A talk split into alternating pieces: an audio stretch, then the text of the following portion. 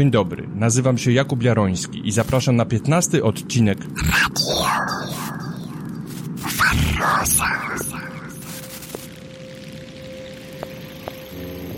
Oto druga część wywiadu z profesorem Pawłem Golikiem, dyrektorem Instytutu Genetyki i Biotechnologii na Wydziale Biologii Uniwersytetu Warszawskiego. Tym razem rozmawiamy ogólnie o biotechnologii oraz o inżynierii genetycznej, w tym o GMO. Racjonalnie rozważamy to zagadnienie w kontekście środowiska człowieka, pszczół i pszczelarstwa. Mam nadzieję, że zachęciłem. Zapraszam. Panie profesorze, zmieniamy trochę temat, ale również pozostajemy w obszarze e, Pana zainteresowań i pracy zawodowej. E, do czego nam jest potrzebna, nam jako ludziom, biotechnologia? No to jest pytanie, do czego jest nam potrzebna technologia w ogóle?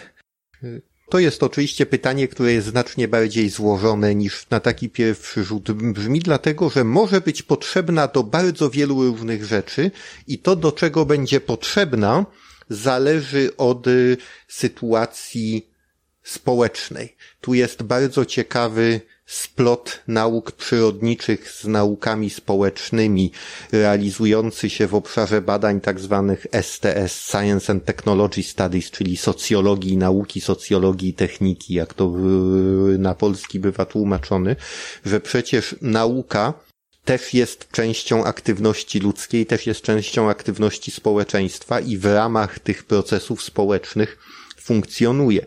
I w związku z tym na przykład przedstawiciel koncernu biotechnologicznego mógłby odpowiedzieć, że biotechnologia jest potrzebna, żeby wypracować więcej zysku dla takiego koncernu.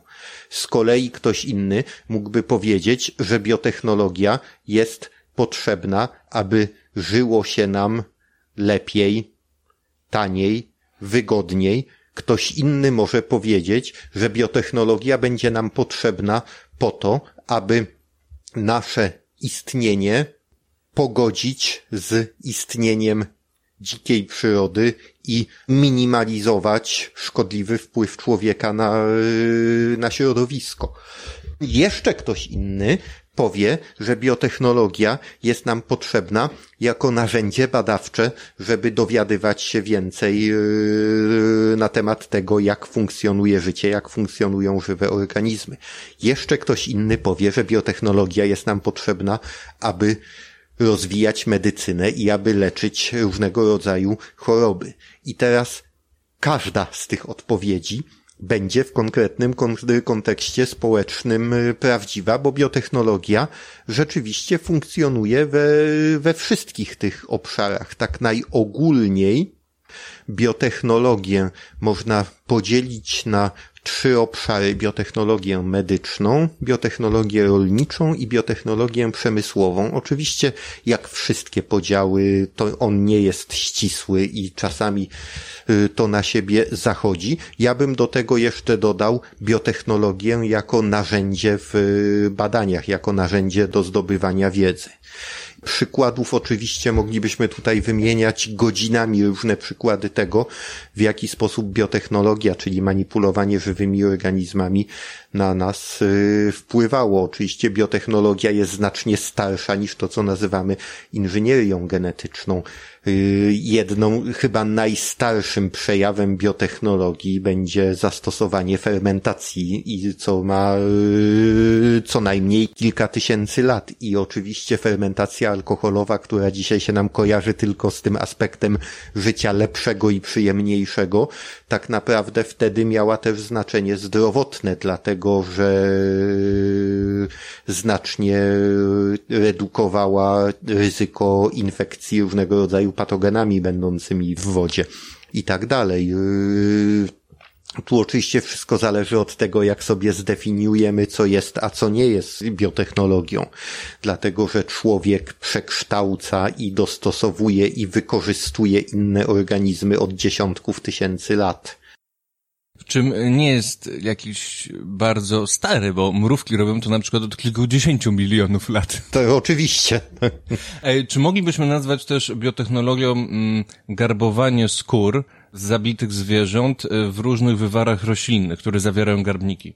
Można, oczywiście, bo jest to wykorzystywanie produktów naturalnych, ale choćby udomowienie psa, czyli najprawdopodobniej pierwszy, czy też najstarszy przynajmniej znany przykład udomowienia zwierzęcia przez czy w ogóle innego organizmu przez człowieka, też można by to nazwać, ja to nazywam inżynierią ewolucyjną przez analogię do inżynierii genetycznej, ale można by to też to nazwać na yy, biotechnologią. A wtedy wracamy już do epoki kamienia de facto. Tak, yy, około 20-25 tysięcy lat temu. Jeżeli mówimy o wykorzystywaniu mikroorganizmów w procesach typu przemysłowego, no to właśnie fermentacja alkoholowa to jest co, co najmniej 6-7 tysięcy lat.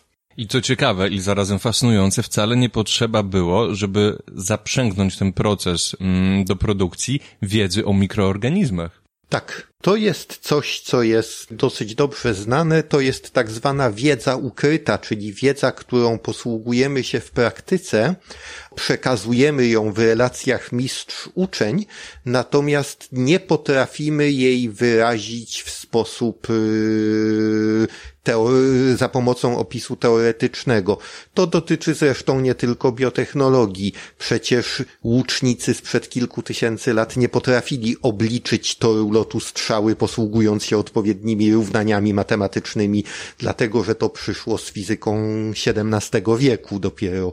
Ale mimo to wiedzieli pod jakim kątem y, i jak mocno napiąć, żeby, żeby trafić to, co trzeba trafić, więc to nie jest nic wyjątkowego. Można powiedzieć, że to jest taka najbardziej podstawowa forma zdobywania wiedzy przez człowieka.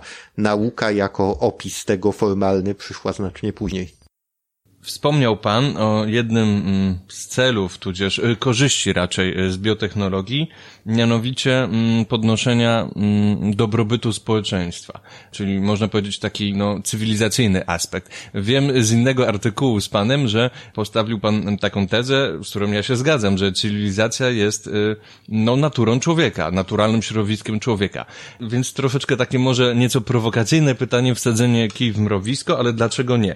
Czy dałoby się żyć w cywilizacji o względnym dużym dobrobycie społecznym i jednocześnie nie walczyć ze szkodnikami, no na przykład upraw mm, i ogólnie e, produkcji żywności. To jest trudne pytanie, dlatego że to jest pytanie z gatunku co by było gdyby, czyli snucia e, hipotetycznych scenariuszy w, bez oparcia o rzeczywistość. To, co można powiedzieć z dużą dozą pewności opierając się na obecnych danych, to to, że w naszym świecie, w naszej sytuacji cywilizacyjnej nie byłoby to możliwe, dlatego że jest nas zwyczajnie za dużo. Być może byłoby to możliwe w bardzo hipotetycznym scenariuszu yy, ludzkości jednocześnie będącej na stopniu zaawansowania technologicznego z grubsza porównywalnym z naszym, a z drugiej strony powiedzmy o dziesięciokrotnie mniejszej liczebności.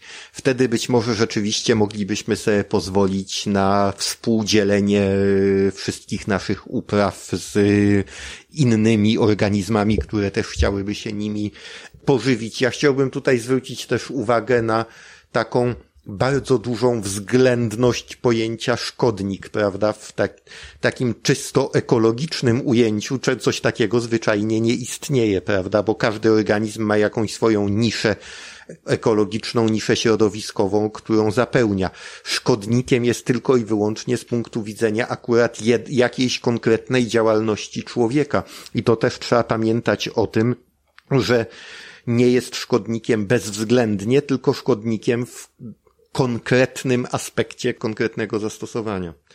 Przy obecnej liczebności ludzkości nie wyobrażam sobie tego bez pójścia w jakieś ostre science fiction typu przeniesienie całej naszej produkcji żywności do hodowli e, typu laboratoryjnego, czyli powiedzmy hodowli komórkowych, hodowli tkankowych, chociaż i wtedy każdy, kto hodował komórki w laboratorium wie, że musi walczyć z infekcjami na przykład mykoplazmą, prawda, która wtedy też miałaby charakter szkodnika i musi się zabezpieczać przed mikroorganizmami, które taką pożywką by się chętnie pożywiły.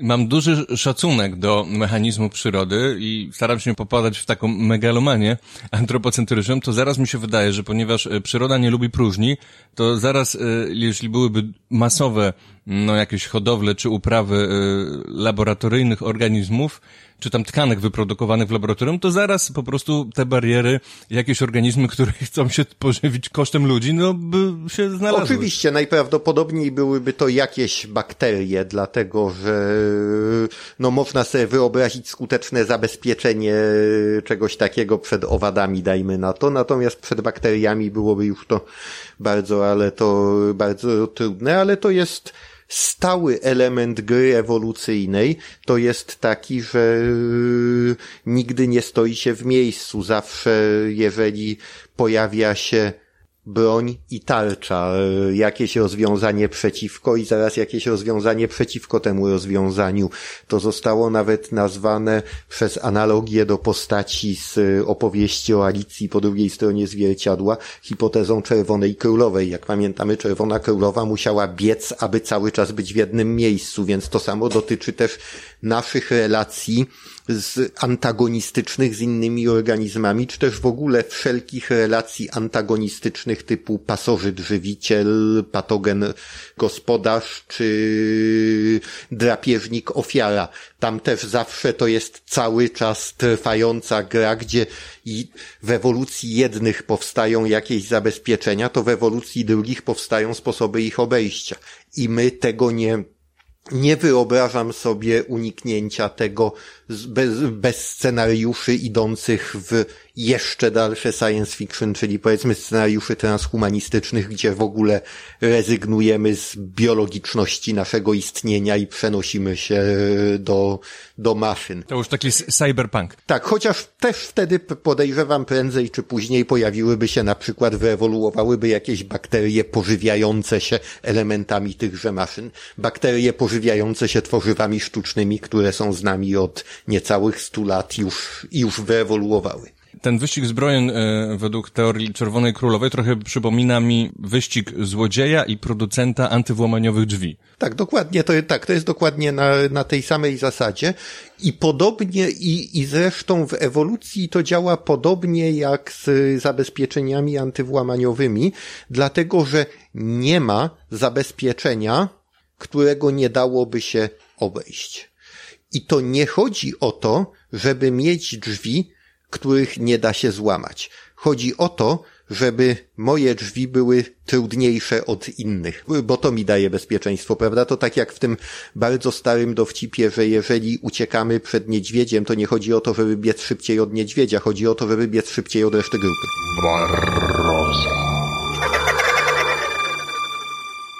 Faktach pytanie, co grozi polskim pszczołom, że tysiąc pszczelarzy po raz pierwszy w historii wyszło na ulicę, protestowali w Warszawie w obronie pszczół. W Stanach, we Francji, w Niemczech i we Włoszech giną masowo, a bez pszczół nie ma nie tylko miotku, nie ma życia. Pytanie, czy wiadomo, co je zabija? E, stop GMO rządłem w rząd e, nie dla żywności modyfikowanej genetycznie. To tylko niektóre hasła, z jakimi protestujący wyruszą w tej manifestacji. Motywem przewodnim e, tej, tej, tego dzisiejszego przemarszu jest pszczoła. Pszczoła, która zdaniem przeciwników GMO jest taką symboliczną ofiarą tej modyfikowanej żywności i której populacja rokrocznie dramatycznie się zmniejsza właśnie przez te uprawy. Teraz mam kolejne, no, prowokacyjne pytanie, tak wyszło. Czy GMO zabija pszczoły? Ale proponuję wyjaśnić, co to są e, organizmy genetycznie modyfikowane, żeby wprowadzić słuchaczy w ten temat. Tak, więc co to są organizmy genetycznie modyfikowane? To jest tak naprawdę pytanie do prawników tworzących ustawy. Dlatego, że już to sobie zdążyliśmy kilkakrotnie powiedzieć. Człowiek modyfikuje różnego rodzaju organizmy od tysięcy lat. Proszę spojrzeć na jamnika czy pekinczyka i zobaczyć, co zrobiliśmy z genomem wilka, prawda? Proszę spojrzeć na współczesne rośliny uprawne i ich, yy, ich dzikich przodków. Proszę porównać świnie z dzikami i tak dalej. My modyfikujemy różne organizmy od lat. Później pojawiły się inne metody krzyżowania na przykład gatunków pochodzących z różnych stron świata. Teraz mamy, jesteśmy w środku sezonu na truskawki. Truskawki wyhodowali w XVII-XVIII wieku francuscy ogrodnicy, krzyżując ze sobą dwie rośliny, z których jedna pochodziła z Ameryki Południowej, druga z Ameryki Północnej, czyli w naturze były oddzielone od siebie o parę tysięcy kilometrów. Więc nie ma czegoś takiego jak naturalna truskawka, prawda? Bo jest to produkt ingerencji człowieka. Od mniej więcej 100 lat y, tworzy się linię mutantów, wykorzystując mutagenezę na przykład promieniowaniem gamma albo promieniowaniem rentgenowskim i powstają wtedy różne mutanty, różne, odmie- y, różne nowe cechy, z których się coś selekcjonuje. To nie jest uznawane y, według ustaw za, za GMO.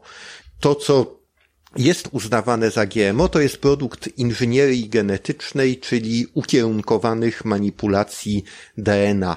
Do niedawna główne metody inżynierii genetycznej sprowadzały się przy całej różnorodności technik do tego, że izolujemy DNA, coś w nim zmieniamy, i zmieniony DNA wprowadzamy do organizmu, albo tego, z którego wyizolowaliśmy, albo do jakiegoś innego. Obecnie doszły do tego tak zwane techniki redagowania genomu, czyli takie, gdzie bez izolowania DNA z komórek możemy zmienić dowolny fragment DNA, skorygować go, poprawić, coś w nim zmienić. To są techniki, które których zastosowanie prowadzi do uzyskania tego, co w myśl ustawy nazywa się organizmami modyfikowanymi genetycznie. Były próby definiowania GMO jako uzyskanych metodami niewystępującymi naturalnie, ale wtedy okazałoby się, że w zależności od interpretacji albo wszystko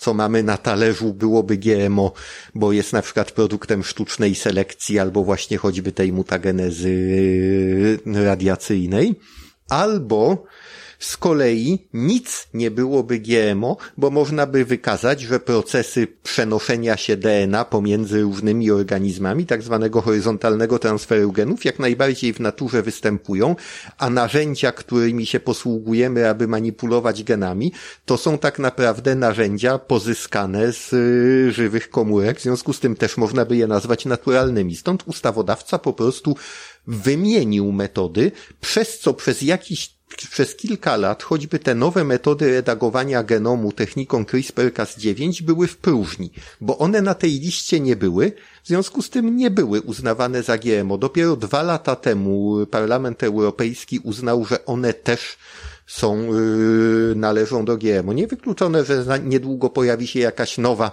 metoda, która na tej liście nie będzie, będzie w szarej strefie, po czym znowu będzie dyskusja. Zresztą do tych metod redagowania może jeszcze potem wrócimy, bo jest w tej chwili bardzo mocny ruch, żeby jednak z tych metod zdjąć te ograniczenia prawne, które towarzyszą GMO, bo nie polegają one na wprowadzaniu obcego DNA do genomu, w związku z tym yy, są jeszcze pewniejsze niż, yy, niż tradycyjne metody inżynierii genetycznej, te znane od mniej więcej 40 lat i że być może troszeczkę się pospieszono z tą definicją. Na test, czy GMO zabijają pszczoły?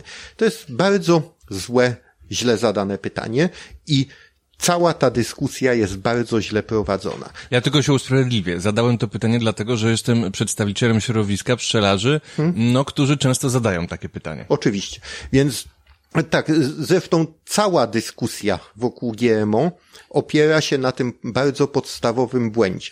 Jak już to sobie powiedzieliśmy, GMO, czyli inżynieria genetyczna, to jest metoda uzyskiwania nowych odmian roślin i zwierząt. I nie można dyskutować o tym, czy jakaś metoda jest szkodliwa, czy nieszkodliwa, czy zabija pszczoły, czy też nie zabija pszczół, dlatego że to pytanie trzeba zadawać w, w, odniesieniu do konkretnych produktów tej metody. Moglibyśmy zadawać to pytanie w odniesieniu do całej metody tylko wtedy, gdyby były jakieś właściwości wszystkich produktów tej metody, niewystępujące w produktach innych metod. Takich właściwości nie ma. W związku z tym trzeba zadać na przykład pytanie bardziej szczegółowe, czy obecnie uprawiane rośliny GMO mają negatywny wpływ na zapylacze. I tu znowu, jak to zwykle w biologii bywa, pytanie jest troszkę bardziej skomplikowane. Więc na pewno można powiedzieć, że nie mają wpływu niekorzystnego większego niż inne metody rolnictwa. Mogą nawet mieć mniejszy. To jest bardzo ważne rozróżnienie. Nie byłoby uczciwe powiedzenie nie, nie zabijają zapylaczy, nie, nie mają negatywnego wpływu na środowisko.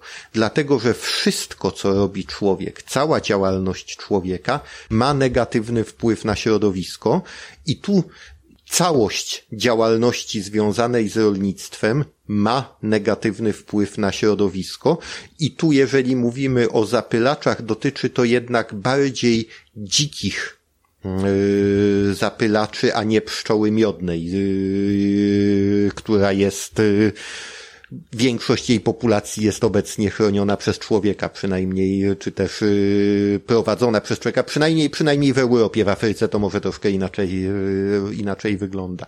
Natomiast w przypadku innych zapylaczy, to oczywiście rolnictwo ma bardzo niekorzystny na nie wpływ. Natomiast nie można powiedzieć, że ten niekorzystny wpływ jest większy w przypadku organizmów modyfikowanych genetycznie. Nie jest, a w przypadku niektórych odmian modyfikowanych genetycznie może być nawet mniejszy. Mogą one nawet być mniej obciążające. Z czego się bierze to, że rolnictwo obciąża środowisko? Ano z tego, że zabieramy jakiś teren i obsiewamy go uprawą konkretnej rośliny. Najczęściej jest to uprawa jednogatunkowa e, z powodów praktycznych. W związku z tym maleje nam bioróżnorodność innych roślin, które są źródłem pokarmu dla owadów.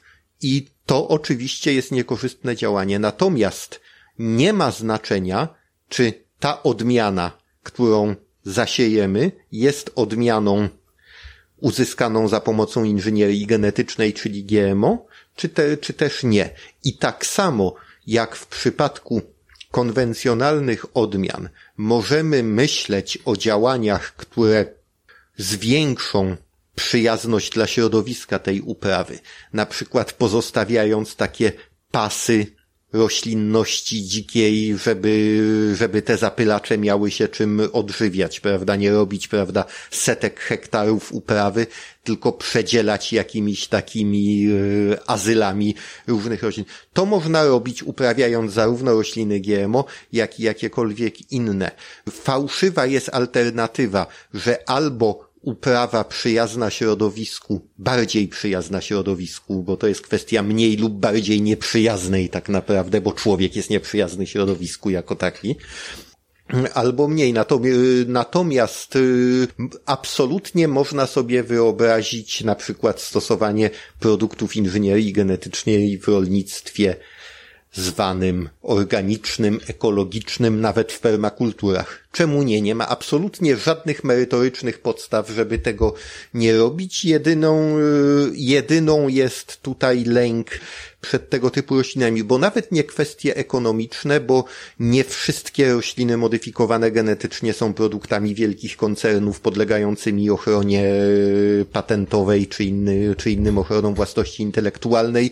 Instytucje naukowe mogą dawać yy, odmiany na zasadzie otwartej, wolnej dla środowiska. Więc yy, jak już yy, może troszkę wymijająco odpowiedziałem, ale takim ten najważniejszym wnioskiem, który można by przekazać społeczności pszczelarskiej jest to, że żadna ze znanych obecnie odmian roślin modyfikowanych genetycznie nie jest dla zapylaczy bardziej niekorzystna niż odmiany konwencjonalne. Zdarza się, że pszczelarze mm, czy inne środowiska zbliżone podnoszą to, że jakoby mm, pyłki z tych zmodyfikowanych roślin, no mam na myśli to GMO, już pomijam to, że bardzo dużo jest tych upraw y, no, jakichś roślin poddanych mutagenezie. No ale jakoby te pyłki jakoś bardzo szkodliwie wpływają na pszczoły. Rozumiem, y, nauka mm, tego nie potwierdza, tak? Nauka, te, nauka tego nie potwierdza. Zacznijmy od tego, że na przykład w Europie w, yy, głównym gatunkiem modyfikowanym genetycznie, który jest yy, uprawiany jest kukurydza, która jest wiatropylna i podejrzewam, że pszczoły się nią absolutnie nie interesują. Nie, interesują się również. Tak.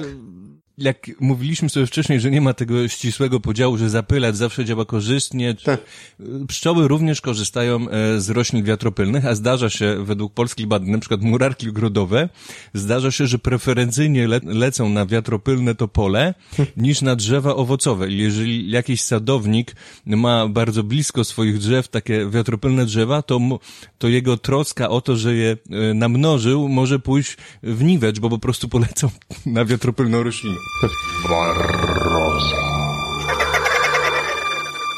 W każdym razie nie ma absolutnie żadnych danych pokazujących, że, że ten pyłek byłby w jakikolwiek sposób toksyczny.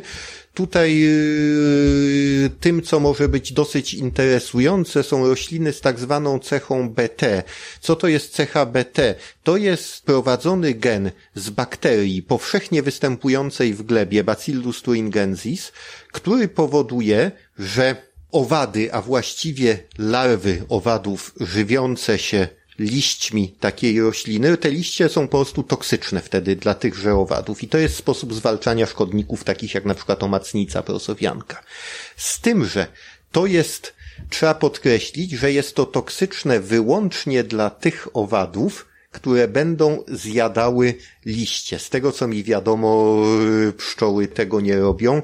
Ilość tego w pyłku jest, jeżeli w ogóle jest tak minimalna, że, że na pszczoły nie wpływa, a na pewno wpływa mniej niekorzystnie niż inne środki, niż inne pestycydy stosowane w uprawach, dlatego że oczywiście pestycydy mogą bardzo pszczołom szkodzić, na przykład niektóre, nie wszystkie związki neonikotynowe, to też jest tak, że one są wszystkie wrzucane do jednego worka, a są bardziej szkodliwe, są mniej szkodliwe. Na pewno są takie, które, które są szkodliwe.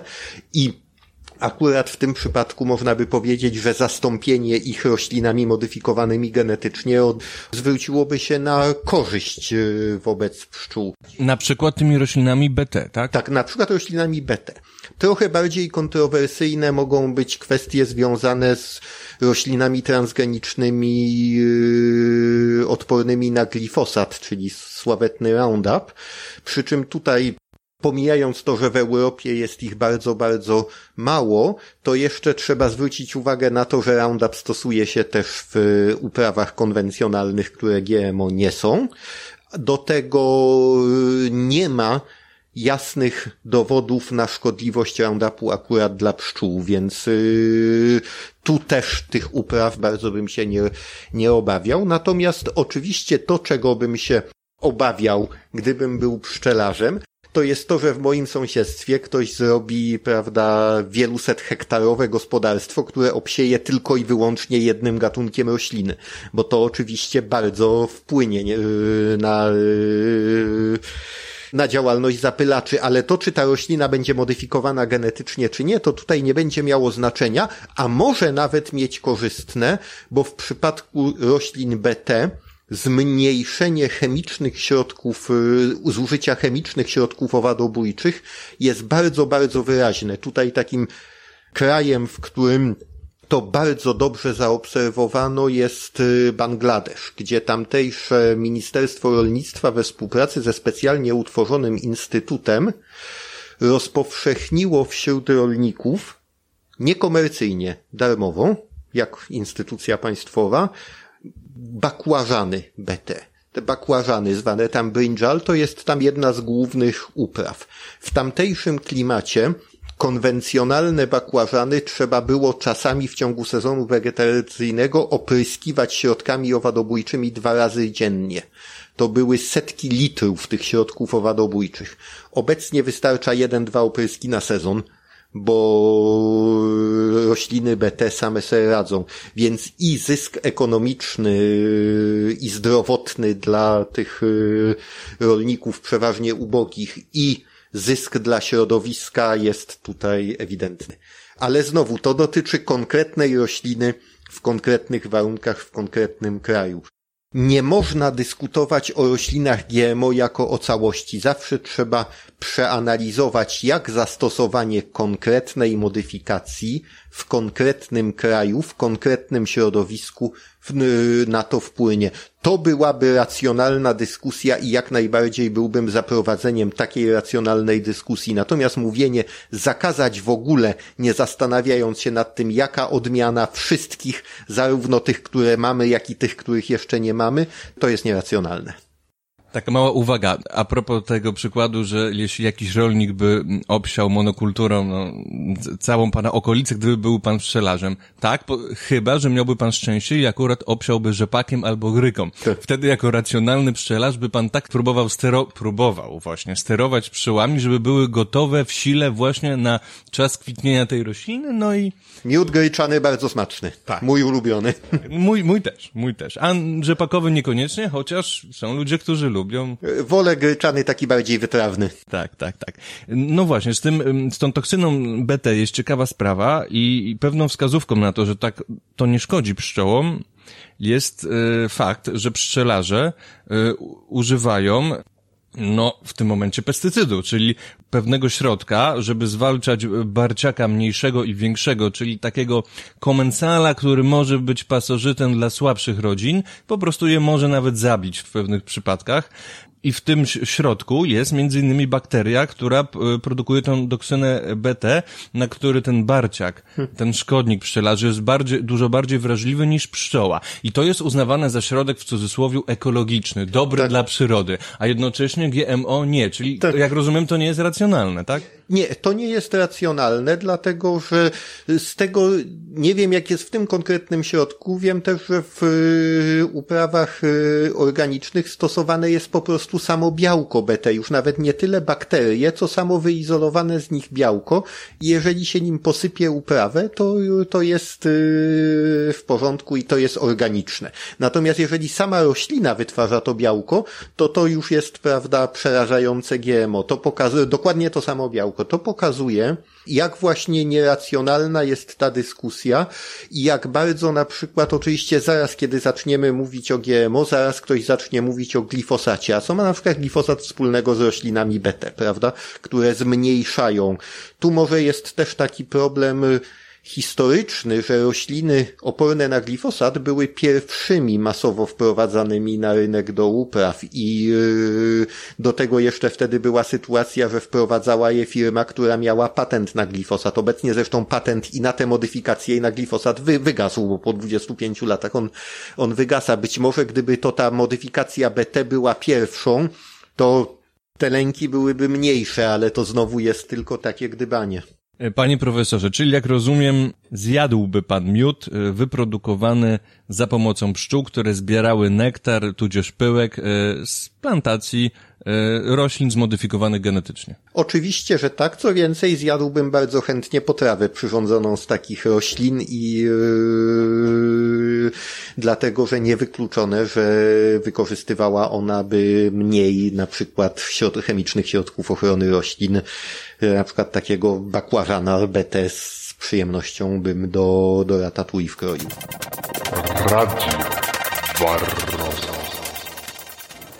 Nie możemy dopuścić do tego, żeby naturalne jedzenie przestało istnieć, mówią protestujący i zapowiadają, że ze swoimi postulatami będą e, chcieli pójść właśnie do Ministerstwa Rolnictwa. Liczą na wysłuchanie i konkretne reakcje, ale nawet jeśli te reakcje nie nastąpią natychmiast, e, to podkreślają, że sukcesem jest sama mobilizacja tak e, ogromnej liczby uczestników tej manifestacji, bo właśnie świadomość wśród obywateli jest najważniejsza dla walki z tym problemem. Podkreślają, że trzy lata temu, kiedy rozpoczynali kampanię, zaledwie 1% społeczeństwa wiedział o tym, czym jest żywność modyfikowana genetycznie. Dzisiaj takich świadomych konsumentów jest już ponad 40%. To jest dosyć ciekawe, że ta kwestia antynaukowych i antytechnologicznych yy, poglądów, takiego sprzeciwu przeciw nowoczesności, tak można by to ogólnie yy, ująć, nie wiąże się z klasycznymi y, podziałami politycznymi, dlatego że występuje zarówno u konserwatywnej prawicy, jak i, y, jak i właśnie na lewicy, gdzie te y, poglądy antynaukowe czy antytechnologiczne mieszają się z y, poglądami antykorporacyjnymi, czy też ogólnie z ideami y, powrotu do natury, takiej oczywiście niesłychanie wyidealizowanej i y, najczęściej ten argument z natury jest no nie do końca przemyślany, ale to o tym, o tym by można bardzo, ale to bardzo długo y, opowiadać. No u nas do tego się jeszcze oczywiście miesza wykorzystywanie tej sprawy w y, walce z przeciwnikami politycznymi i y, wtedy wiadomo, że tam, gdzie pojawia się walka polityczna, tam rozum y, cierpi i tu akurat ta historia pszczelarzy jest tutaj idealnym przykładem, dlatego że politycy PiSu yy, stawali obok pszczelarzy, argumentując przeciwko GMO, a z drugiej strony Ministerstwo Rolnictwa PiSu zatwierdziło stosowanie pestycydów neonikotynowych, które akurat rzeczywiście mają potwierdzone szkodliwe działanie wobec owadów, w przeciwieństwie do GMO, gdzie tego typu szkodliwego efektu nikt nigdy nie wykazał. Radio Barroso. To odwoływanie się do przepisów unijnych też jest bardzo częste, szczególnie kiedy trzeba przepchnąć jakąś decyzję, która jest niepopularna, to wtedy się mówi, że to Unia to nakazuje. Tymczasem, jeżeli chodzi o dopuszczalność upraw y, roślin modyfikowanych genetycznie, to akurat Unia pozostawia to krajom członkowskim. Ma jakieś ogólne przepisy, na przykład te, które pozwalają stwierdzić, co jest traktowane jako GMO, a co nie jest, ale w kwestii dopuszczalności tych upraw tutaj jest, y, jest to pozostawiane krajom członkowskim i są kraje Unii Europejskiej, które uprawiają rośliny modyfikowane genetycznie, na przykład Hiszpania i są takie, które takich upraw zakazują, jak na przykład Polska. Wydaje mi się, że to, że aktualnie w Polsce no, jest taki, a nie inny status prawny dotyczący tych roślin prawnie uznanych za GMO, e, mają wpływ innymi pszczelarze, którzy zorganizowali w 2012 roku no, taką demonstrację. E, jednym z argumentów, jakie się pojawiały, no, było właśnie odwołanie się do natury właśnie, czyli do, no, do pewnej harmonii, która tworzy na, natura, a człowiek tutaj sztucznie ją modyfikuje, to już pan trochę o tym powiedział. W takim razie albo trzeba by to bardzo rozszerzyć, albo e, zawęzić i wtedy GMO, no, by było po prostu naśladowaniem natury, tak? No, ale skąd się bierze taki światopogląd?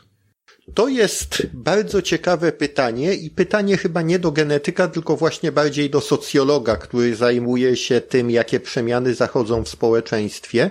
Ja mogę tylko próbować powiązać to z tym, że ogólnie od mniej więcej 30-40 lat, ja bym początek tego widział pod koniec lat 70. i na początku lat 80., a bardzo silnie już w latach 90., nastąpił taki ogólny odwrót od idei postępu technicznego w kierunku właśnie idei yy, wyidealizowanego powrotu do natury. No, Amatorów powrotu do natury zachęcam do próby przeżycia następnej zimy bez sztucznie, bez produktów technologicznych.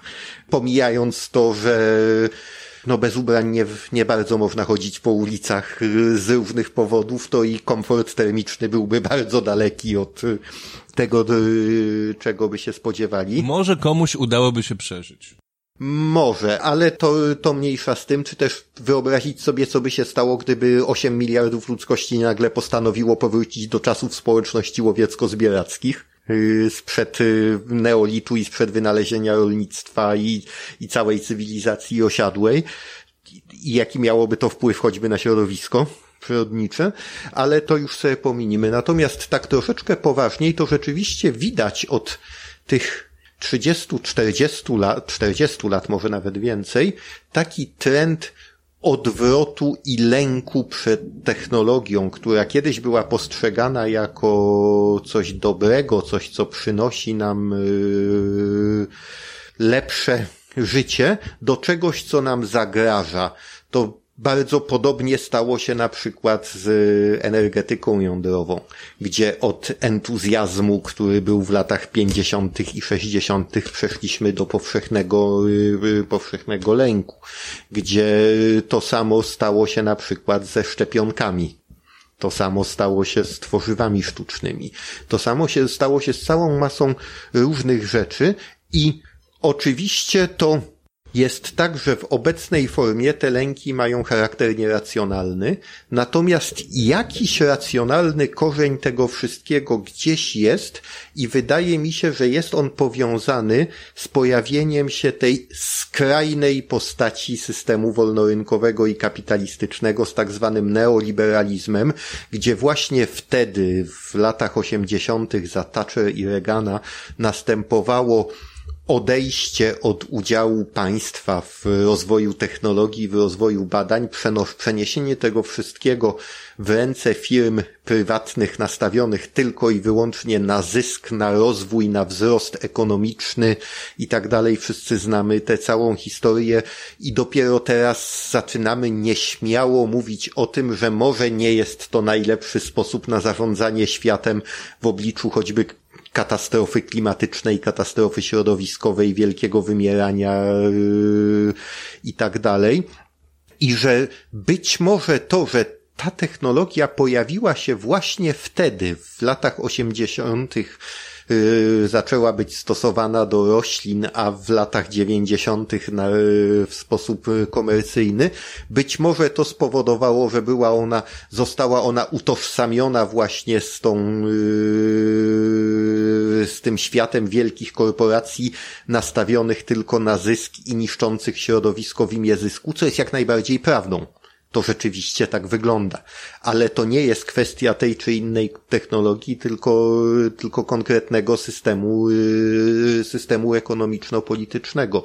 I tak samo jak energetyka jądrowa może być w tej chwili jednym z najlepszych rozwiązań e, w walce z kryzysem klimatycznym i z e, i jedną, jednym z najlepszych środków dla, dla dekarbonizacji, bo co by o, o niej nie mówić, jest znacznie, znacznie mniej szkodliwa od e, energetyki opartej na, na paliwach kopalnych, a osiągalna tu i teraz w przeciwieństwie do całkowitego przejścia na, na środki odnawialne, też zresztą nie bez wpływu na środowisko, jak w przypadku fotowoltaiki czy, czy energetyki wiatrowej.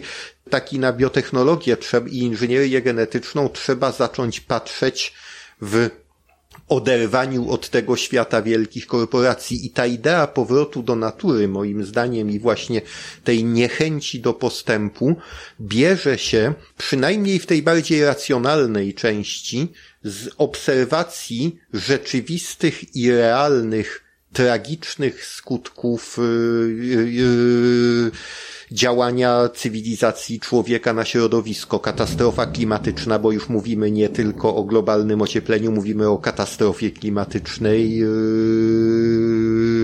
wymieranie bardzo licznych gatunków, w tymi gatunków owadów, w tymi, w tymi zapylaczy, co jak najbardziej obserwujemy.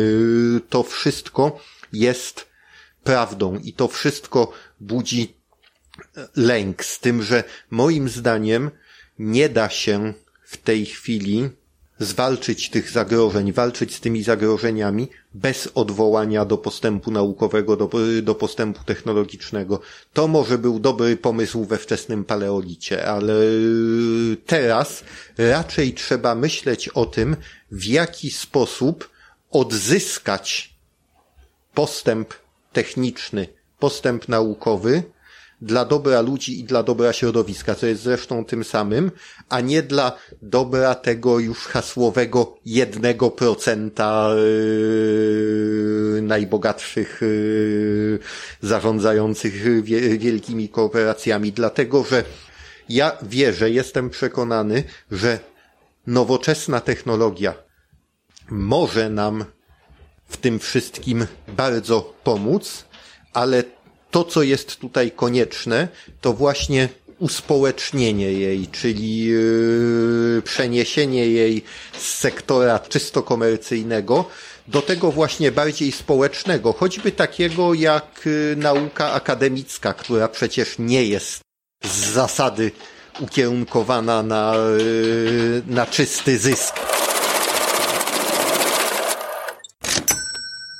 Musimy naukę i technikę uspołecznić i nakierować ją na dobro ludzi i dobro środowiska, co jest zresztą oczywiście jednym i tym samym. I tu można się zastanowić, czy utrzymywanie tak ostrego sprzeciwu przeciwko inżynierii genetycznej w obecnej sytuacji nie, ma, nie jest przeciwskuteczne. Dlatego, że te wielkie koncerny już te technologie mają, poza tym mają charakter globalny, w związku z tym jeżeli na przykład zakaże się uprawy roślin GMO w Europie, będą ją uprawiały w Chinach czy w Argentynie, w krajach, gdzie prawa konsumenta i prawa pracownika są znacznie słabiej chronione. Do tego w ten sposób pozbawiamy je konkurencji. Czy być może bardziej racjonalnym działaniem właśnie w kierunku odebrania tej technologii, yy, czy też wyłączności na te technologie yy, owym koncernom i uspołecznienia jej, nie byłoby właśnie wspieranie inżynierii genetycznej, wspieranie biotechnologii na obszarze Unii Europejskiej, gdzie prawo jeszcze stosunkowo, co nie znaczy, że idealnie, ale stosunkowo ta równowaga między prawami obywateli a prawami wielkich korporacji jest jeszcze stosunkowo przesunięta na korzyść obywatelską w porównaniu choćby ze Stanami Zjednoczonymi, nie mówiąc już o takich krajach jak Chiny czy inne. I tu właśnie wspierać biotechnologię, ale biotechnologię wychodzącą ze środowiska akademickiego, kierowaną nie na zysk, tylko na korzyści dla środowiska. Taką bardzo ważną korzyścią dla środowiska może być na przykład redukcja wykorzystania wody w rolnictwie dla tej, i, i wytwarzanie odmian odpornych na suszę, wymagających mniej wody. W Polsce byłoby to bardzo przydatne na przyszłość, prawda? Nie tylko w Polsce, ale na przykład w Arabii Saudyjskiej prowadzone są badania we współpracy z biotechnologami chińskimi nad uzyskaniem odpornej na suszę odmiany ryżu, którą można by uprawiać w warunkach yy, tamtejszych. A ryż taki naturalny właśnie wymaga nawet po, pola podmokłego, prawda? Tak. To, no tak, to, to, ciekawe. Czyli rozumiem, e, pańską tezą jest to, że co byśmy nie robili, prawdopodobnie e, no, modyfikowanie hodowlanych roślin i, i zwierząt i tak się rozpowszechni, więc mm, lepiej już, żeby się rozpowszechniło w systemie bardziej przyjaznym ludziom i środowisku, tak? Tak. I żeby dopuścić innowacje tutaj, dlatego że trzeba pamiętać, że mówiąc o tych zakazach, my nie mówimy o zakazie konkretnej odmiany wy, wyprodukowanej przez konkretną firmę. My mówimy o zakazie rozwoju tej technologii jako takiej. I to jest, to jest niesłychanie krótkowzroczne. Mhm. Czyli y, pan jako naukowiec, y, no mieszkając tutaj w Polsce, ma trochę związane ręce aktualnie, y, prawnie, tak? Tak, akurat w moich badaniach, które są bardziej badaniami podstawowymi, odczuwam to głównie jako przeszkody biurokratyczne, kiedy po to, aby uzyskać zgodę na prowadzenie tych badań, muszę yy, wypełniać masę papierów, żeby uzyskać odpowiednie zezwolenia, być poddawanym odpowiednim yy, kontrolom i tak dalej. Natomiast ci, którzy chcieliby widzieć tutaj bardziej aplikacje, mają ogromne problemy i tutaj taką bardzo smutną historią jest y, historia zespołu profesora Szopy Skórkowskiego z Wrocławia, który opracował transgeniczny len, z którego mogłyby być wytwarzane opatrunki wspomagające gojenie się trudno gojących się ran, na przykład przy oparzeniach. To jest szczególnie ważne że obecnie stosuje się wtedy antybiotyki, natomiast wiadomo, że wzrost oporności na antybiotyki u patogennych bakterii jest bardzo, bardzo poważnym problemem. I w takich wstępnych próbach ten len dawał niesłychanie obiecujące rezultaty, natomiast mimo wieloletnich starań nie udało się uzyskać zgody nawet na zrobienie jednej małej yy, badawczej uprawy, uprawy polowej. On po prostu nigdy nie wyszedł poza laboratorium ze względu właśnie na, na te opory. A jest prawdopodobieństwo, że prędzej czy później w Chinach, czy gdzie indziej prawdopodobnie, no albo jakoś skopiują ten pomysł, albo pojawi się on, prawda? Oczywiście. Do, te, do tego inną dziedziną, która tutaj cierpi jest edukacja, dlatego że ja wracam znowu do czegoś, co już powiedziałem, że inżynieria genetyczna jest jest przede wszystkim główną metodą badawczą stosowaną obecnie w biologii. Jeżeli weźmiemy podręcznik biologii z lat 70. i współczesny podręcznik biologii i zobaczymy, jak wiele od tego czasu się dowiedzieliśmy, to większość tego dowiedzieliśmy się dzięki zastosowaniu metod inżynierii genetycznej.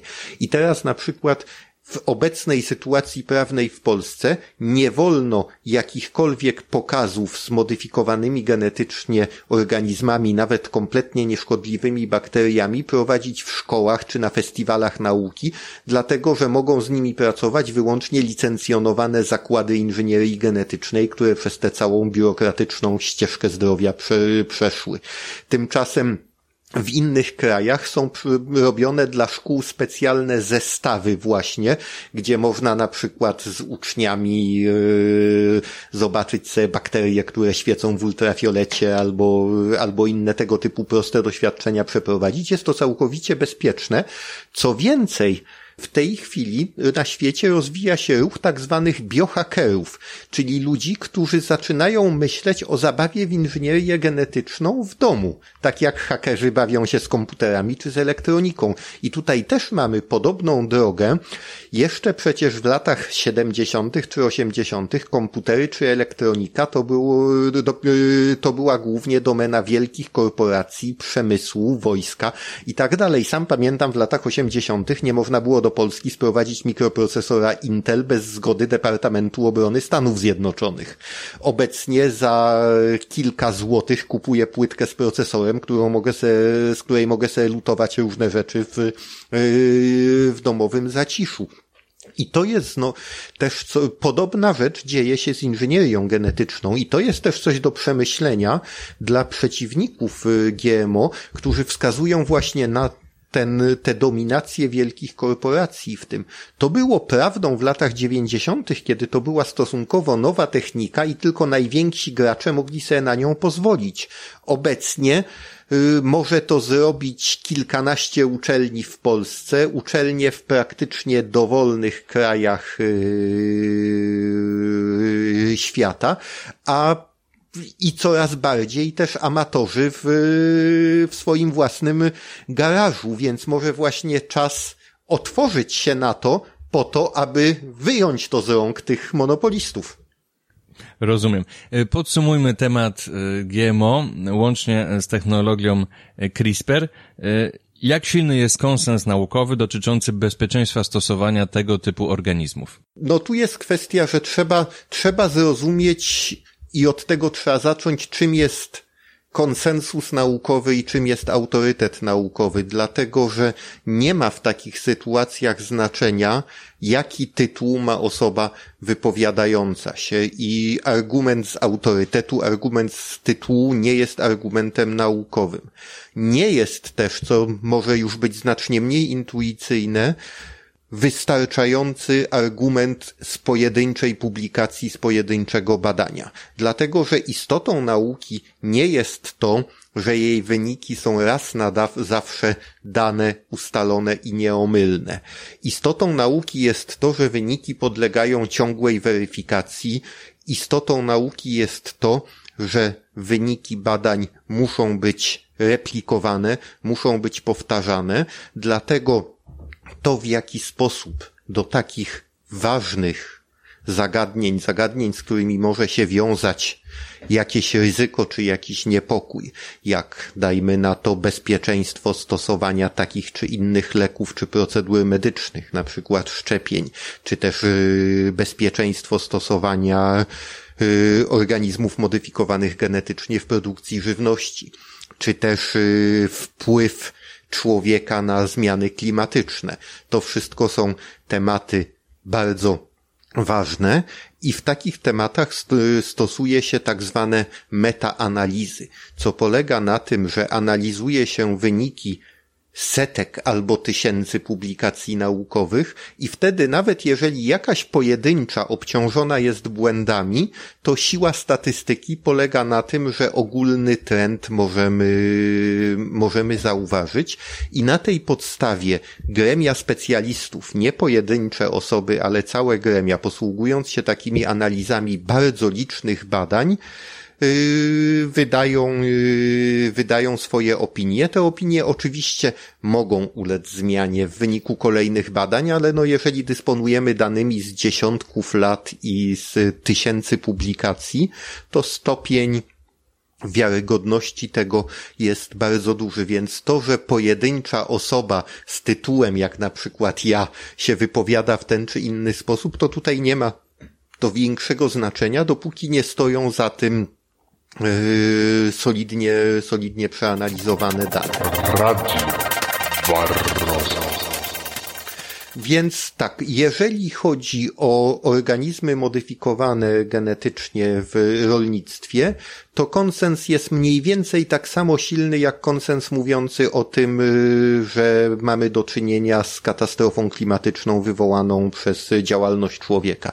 Czyli ponad 90% naukowców, w tym uzgodnione stanowiska wszystkich y, większych, y, ważniejszych instytucji naukowych, takich jak Światowa Organizacja Zdrowia, jak Akademie Nauk z różnych krajów, jak odpowiedni komitet powołany w tym celu przez Unię Europejską y, i wiele, wiele, wiele innych, w tym też na przykład Polska Akademia Nauk. Y, to jest bardzo, bardzo silny konsens, co też przy okazji pokazuje absurdalność teorii spiskowych mówiących, że wszyscy ci naukowcy są przekupieni.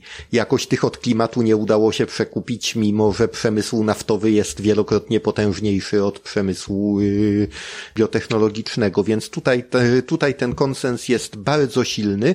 Dotyczy on metody, i obecnie znanych odmian. Natomiast oczywiście każdą nową odmianę, uzyska, którą uzyskamy, będziemy musieli przebadać. One są badane niesłychanie, niesłychanie dokładnie, znacznie dokładniej niż te konwencjonalne. Właśnie, słyszałem taką e, tezę, że e, wbrew mm, powszechnemu myśleniu e, żywność zmodyfikowana genetycznie jest poddana bardzo szczegółowym badaniom, większym niż na przykład jakieś rośliny, no, nietransgeniczne, które można kupić na bazarku na przykład.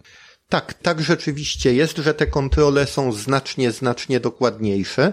W związku z tym, e, jeżeli chodzi o, o ich wpływ na, na zdrowie człowieka, nie miałbym tutaj absolutnie, absolutnie żadnych obaw bez problemu żywiłby, żywiłby się pan głównie roślinami zmodyfikowanymi, tak? Gdyby była taka możliwość. Gdyby była taka możliwość, y, jak najbardziej wybierałbym takie, zwracając jednak też przy okazji uwagę, gdybym miał dostęp do tego typu informacji, czy są to, na ile są to uprawy przyjazne środowisku, czyli na, czy na przykład są one całkowicie monokulturowe, czy też na przykład pozostawiają te obszary łąkowe pomiędzy. Na to bym, na to bym zwracał uwagę, natomiast jeżeli chodzi o samą modyfikację, to tak jak najbardziej. Zresztą jak za każdym razem, jak odwiedzam Stany Zjednoczone, tam y, produkty GMO są dopuszczone do sprzedaży, tylko od niedawna są znakowane. To bardzo chętnie wybieram takie, które mają na etykietce wytworzono za pomocą inżynierii genetycznej. Barroza. No, no ciekawa kontestacja rzeczywistości. Y, dobrze, na koniec, panie profesorze, trochę takich luźniejszych pytań. Proszę się nie przejmować, jeżeli pan nie jest fachowcem w tej dziedzinie, no bo to są po prostu luźniejsze pytania i można odpowiadać też e, intuicyjnie. E, czy e, dla pana pszczoły, gatunek pszczoły miodnej, czyli Apis mellifera, to e, zwierzę udomowione czy dzikie? Każdemu gościowi zadaję to pytanie. Tak, więc ja się troszkę przygotowałem i poczytałem na temat ewolucji pszczół. Super. I moim zdaniem jest to gatunek udomowiony, dlatego że te pszczoły, które są w ulach hodowane przez człowieka, zostały przebadane pod względem genetycznym ich populacje i porównane z y, tymi, które występują dziko w jakichś leśnych parciach czy, czy gdzieś i są wyraźne różnice. I y, w ogóle y, populacja pszczoły miodnej to jest bardzo ciekawe, ciekawa rzecz, od niedawna badana za pomocą sekwencjonowania DNA i genomiki. Okazało się w ogóle, że jest to gatunek niesłychanie zróżnicowany genetycznie wykazujący ślady adaptacji, ślady doboru naturalnego. Bardzo ciekawa jest dyskusja dotycząca ich pochodzenia. Do niedawna sądzono, że pochodzą z Afryki. Obecnie wydaje się, że bardziej prawdopodobne jest, że podobnie jak inni przedstawiciele tej rodziny wywodzą się bardziej z Azji Zachodniej.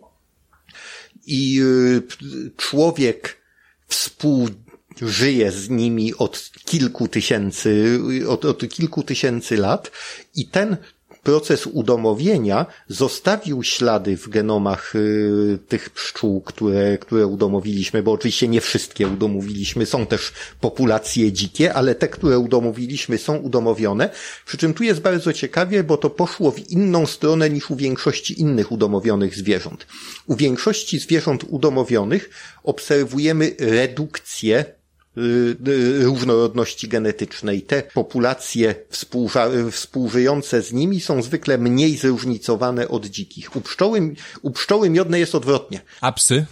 No bo te różne rasy, czasami dotyczące bardzo w sumie niewielkiej populacji, są też bardzo no, zróżnicowane. One są bardzo zróżnicowane fenotypowo, ale w genomie różnic aż tak wiele y, nie ma. To są cechy związane y, ze stosunkowo niewielką, niewielką liczbą genów. Trzeba pamiętać, że bardzo dużej części różnorodności genetycznej my nie widzimy, bo to są zmiany takie, które w tym, co obserwujemy, nie, nie są widoczne. I akurat w przypadku pszczół miodnych jest tak, że te, które my hodujemy, są bardzo zróżnicowane genetycznie, nawet bardziej od tych populacji dzikich, wykazują ślady tak zwanej introgresji, czyli mieszania się populacji pochodzących z różnych rejonów geograficznych. Czyli nazwałbym je udomowionymi, dlatego że jest ślad ich współbytowania z człowiekiem w ich y, genomie, a to jest takim y, tym, co można by nazwać y, wyróżnikiem właśnie domestykacji. Świetnie, bardzo dziękuję za przygotowanie i pełną odpowiedź. Barroza tak też w ramach ciekawostki, czy słyszał może pan profesor o pewnych mm, projektach biotechnolog biotechnologicznych z dziedziny pszczelnictwa? Mm, ostatnio wypłynęła taka informacja, że pewni naukowcy starają się mm, no, zmodyfikować tak bakterię, która żyje w jelicie pszczoły, żeby sprzyjała odporności tej, tej pszczoły na e, pewne wirusy akurat nie na wirusy, to yy, z tego co wyczytałem, to jest bardzo świeża publikacja ze, ze stycznia tego roku, gdzie rzeczywiście okazało się, mówiliśmy już o tym, że wszystkie praktycznie zwierzęta mają w przewodach pokarmowych te symbiotyczne bakterie. I one wpływają na naszą odporność, one wpływają na nasz układ odpornościowy, one niejako trenują nasz układ odpornościowy i pozwalają mu lepiej, lepiej reagować. I to, co zrobił ten zespół, to jest publikacja Science, y, zespół z Austin w stanie Texas w Stanach Zjednoczonych, to jest to, że wprowadzili do tych bakterii geny powodujące powstawanie tak zwanych dwuniciowych cząsteczek RNA. Dwuniciowe cząsteczki RNA są podobne do tego, co wytwarzają niektóre wirusy, do genomu niektórych wirusów, więc one pobudzają układ odpornościowy i rzeczywiście zaobserwowali, że zwiększa to odporność yy, tych yy, pszczół na infekcje roztoczami z rodzaju waroa. A to dlatego wspomniałem o wirusach, że generalnie głównym zagrożeniem przy waroa nie jest sama obecność y, tego roztocza, tylko on jest y, wektorem dla przynajmniej kilkunastu wirusów, w tym zjadliwych odmian. Zazwyczaj zakłada się tak, że to te wirusy zabijają ostatecznie rodzinę pszczelą. Tak, tutaj efekt jest bardziej ogólny, bo dotyczy właśnie jakby aktywizacji układu odpornościowego. No to jest, to jest bardzo ciekawe, to jest bardzo świeża praca, więc jak wszystko w nauce musi być powtórzona, musi być zastosowana na, na jakąś bardziej skalę doświadczalną, ale to może być bardzo, bardzo obiecująca droga Podobnie zresztą jak na przykład myśli się o tym, żeby genetycznie uodpornić komary na zarodźce malarii, co oczywiście ograniczy ich transmisję na, na ludzi. Więc y, tego typu rzeczy jak najbardziej y, y, można sobie wyobrazić i y, wydaje mi się, że jest to dosyć obiecujące, dlatego że problem patogenów jest problemem wszelkiego udomowienia, w tym i samo udomowienia, które przeszedł nasz gatunek. To polega na tym, że mamy stłoczoną dużą liczbę osobników tego samego gatunku na małej przestrzeni. To oczywiście bardzo sprzyja pojawianiu się różnego rodzaju organizmów patogennych.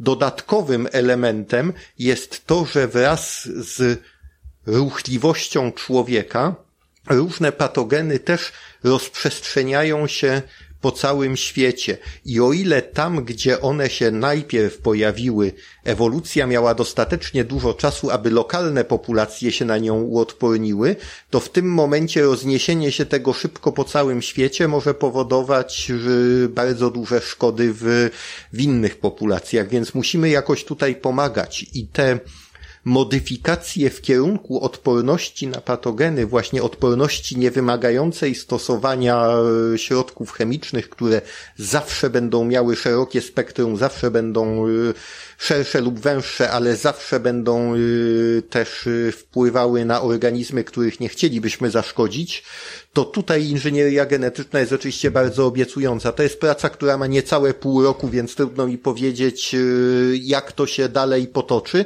ale jest to, jest to bardzo obiecujące. Jak rozumiem z wcześniejszej części naszej dyskusji, czy naszego wywiadu raczej, y, w Polsce dużo trudniej byłoby przeprowadzić takie badanie, tak? Aktualnie, niż w Teksasie? znacznie, znacznie, znacznie trudniej. W warunkach laboratoryjnych można by z tymi bakteriami pracować. Nie wiem na ile możliwe jest, nie znam się na pszczelnictwie na tyle, żeby powiedzieć na ile możliwe byłoby utrzymanie roju pszczół w tak zwanym układzie zamkniętym dlatego że to jest w tej chwili główna, główna bariera, która jest w polskim prawie, to jest to, że dozwolone jest wyłącznie tak zwane u, u, użycie zamknięte, czyli w laboratorium, w szklarni, ale już nie na przykład na poletku doświadczalnym. Nie wiem, czy pszczoły da się w ten sposób trzymać. Da się, ale nie są to warunki no, naturalne, czyli na przykład w, klateczce są takie badania. W klateczce mniej lub więcej pszczół, nawet do lodówek się je wkłada no są, ale oczywiście, no, korzystne jest, jeżeli badamy środowisko pszczół, żeby ostatecznie zbadać, jak one zachowują się w naturze, czy tam przekształconej przez człowieka, czy nie, no ale jednak yy, w interakcji z, z tym środowiskiem, tak? Tam, gdzie one rzeczywiście występują i są narażone na, jak tutaj na te infekcje, prawda? Bo to powiedzmy, jak to wpłynie na ich odporność na infekcje w takich warunkach klateczek w laboratorium, nie musi się przełożyć na to, jak to będzie wyglądało w prawdziwym ulu. Tak, dokładnie. I podobny problem jest z pestycydami właśnie, no bo jednak najczęściej, bo, no bo umówmy się, to takie badania nad pszczołami w naturalnym środowisku pewnie są drogie. E, bada się no pestycydy na początku przynajmniej zawsze w systemie klateczkowym, tak? No a to jest zresztą problem też yy, właśnie badanie tych roślin modyfikowanych genetycznie i ich wpływu na środowisko. Oczywiście początkowo bardzo wiele można się dowiedzieć badając w systemie szklarniowym, ale jednak w którymś momencie trzeba zrobić tę taką uprawę pole testowe i tak dalej. I tutaj mamy do czynienia z, z, tym, że pomijając kwestie zakazów, bardzo często dochodzi też do niszczenia tych upraw testowych y, przez aktywistów, którzy potem y, robią zarzut, że a przecież nie robiliście upraw testowych. Innymi słowy, to są już nawet akty wandalizmu, tak? Tak. Mhm. I tu właśnie też może na koniec bardzo chciałbym podkreślić, że ten temat biotechnologii i yy, ochrony środowiska jest mi o tyle mi leży na sercu, że o ile w przypadku przeciwników na przykład szczepień nie mam absolutnie żadnych problemów z byciem po przeciwnej stronie, dlatego że to są ludzie, którzy są przeciwni nauce, to są ludzie, którzy są przeciwni rozumowi i yy, to po prostu trzeba zwalczać. O tyle w przypadku aktywistów, którzy działają w kierunku prośrodowiskowym, ja jestem po tej samej stronie co oni. Ja też jestem, mi też bardzo leży na sercu dobro środowiska, dobro planety, yy, dobro też i ludzkości, ale ludzkości jako jednego z wielu gatunków tej planety, tę planetę zamieszkujących. I yy, mam wśród aktywistów ekologicznych wiele osób, które chciałbym uważać za przyjaciół. I dlatego zgadzamy się w ogromnej większości spraw kiedy mówimy na przykład o ochronie pierwotnej Puszczy Białowieskiej, mówimy tym samym głosem i posługujemy się konsensusem naukowym. Kiedy mówimy o ochronie oceanów, y, mówimy tym samym głosem, posługujemy się konsensusem naukowym. Kiedy mówimy o katastrofie klimatycznej, też. Natomiast tu jest ten jeden obszar, gdzie konsensus naukowy, a poglądy aktywistów rozchodzą się o 180 stopni i bardzo chciałbym choćby przyczynić się do tego, żeby, żeby to się zmieniło. I do tego jest potrzebny dialog i szacunek z obu stron. My naukowcy nie jesteśmy płatnymi sługosami korporacji, którzy tylko marzą o tym, żeby zniszczyć planetę i ją przerobić. Wiem też, że aktywiści prośrodowiskowi nie są też z kolei oszołomami antynaukowymi, którzy są ręka w rękę z płaskoziemcami czy, czy antyszczepionkowcami. Musimy zacząć przywrócić rozum i godność tej rozmowie i tej dyskusji, ale nie, nie dopuszczajmy do niej polityków, bo oni są od tego rozumu i godności bardzo daleko. Z tego powodu między innymi e, właśnie zaprosiłem pana profesora. Mam nadzieję, że może ta nasza rozmowa będzie takim malutkim kamyczkiem do tej dyskusji. Też właśnie cenię sobie prawdziwą debatę, czyli kulturalną na argumenty merytoryczne. Tak. All we need to do is make sure we keep talking. Radio Marosa. No to może już ostatnie pytanie luźne, czy mm, też postanowiłem je zadawać moim gościom, tak jak o to, udomowi- y, to czy pszczoła miodna jest udomowiona, czy dzika, czy jako racjonalny naukowiec mm, może pan na przykład y, podziwiać y, również y, fascynować się no, szkodnikami dla ludzi, czyli na przykład roztoczem dręcz pszczeli, e, łacińska nazwa ro, Varroa destructor. Oczywiście. y, Przede, tutaj są dwa poziomy tego pytania. Jedno to jest takie, które, y, gdzie często ludzie w naukowcach i w osobach, które mają światopogląd racjonalistyczny, nie odwołujący się do jakiejś metafizyki czy mistyki, widzieliby takie, prawda, roboty czy komputery pozbawione jakichkolwiek emocji czy też uczuć. Oczywiście tak nie jest.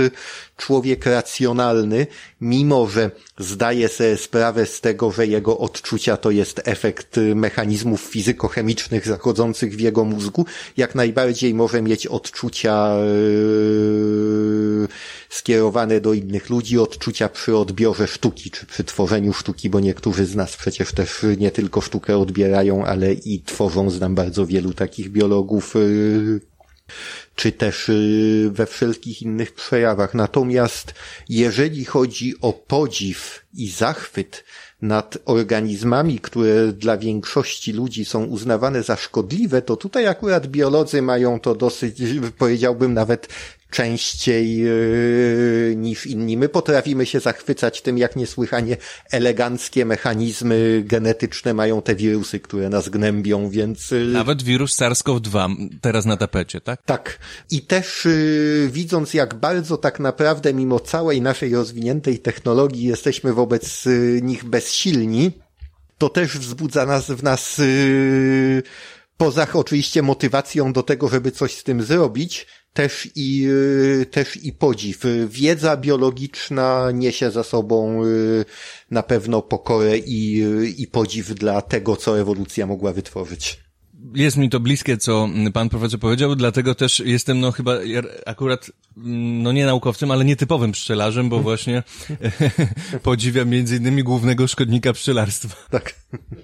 Dobrze, no to będziemy e, kończyli. Czy może chciałby coś od siebie pan dodać e, moim słuchaczom?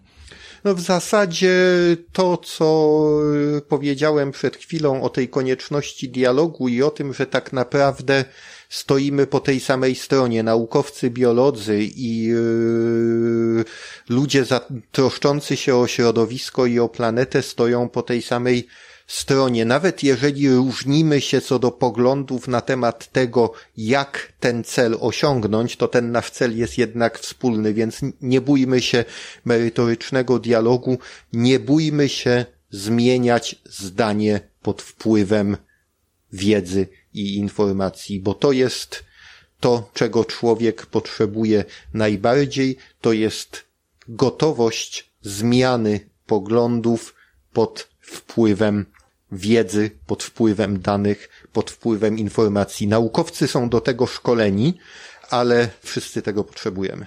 Dziękuję za to pożyteczne zakończenie. Dziękuję Kłaniam bardzo. Do Dziękuję widzenia. Za, za rozmowę. Do widzenia. Dziękuję za wysłuchanie tego odcinka. Zajrzyj na stronę www.waroza.pl. Tam, poza opisami i ilustracjami odcinków podcastu, artykułami i wpisami na bloga, znajdziesz przydatne linki do słuchania i subskrypcji podcastu w aplikacjach strumieniowych.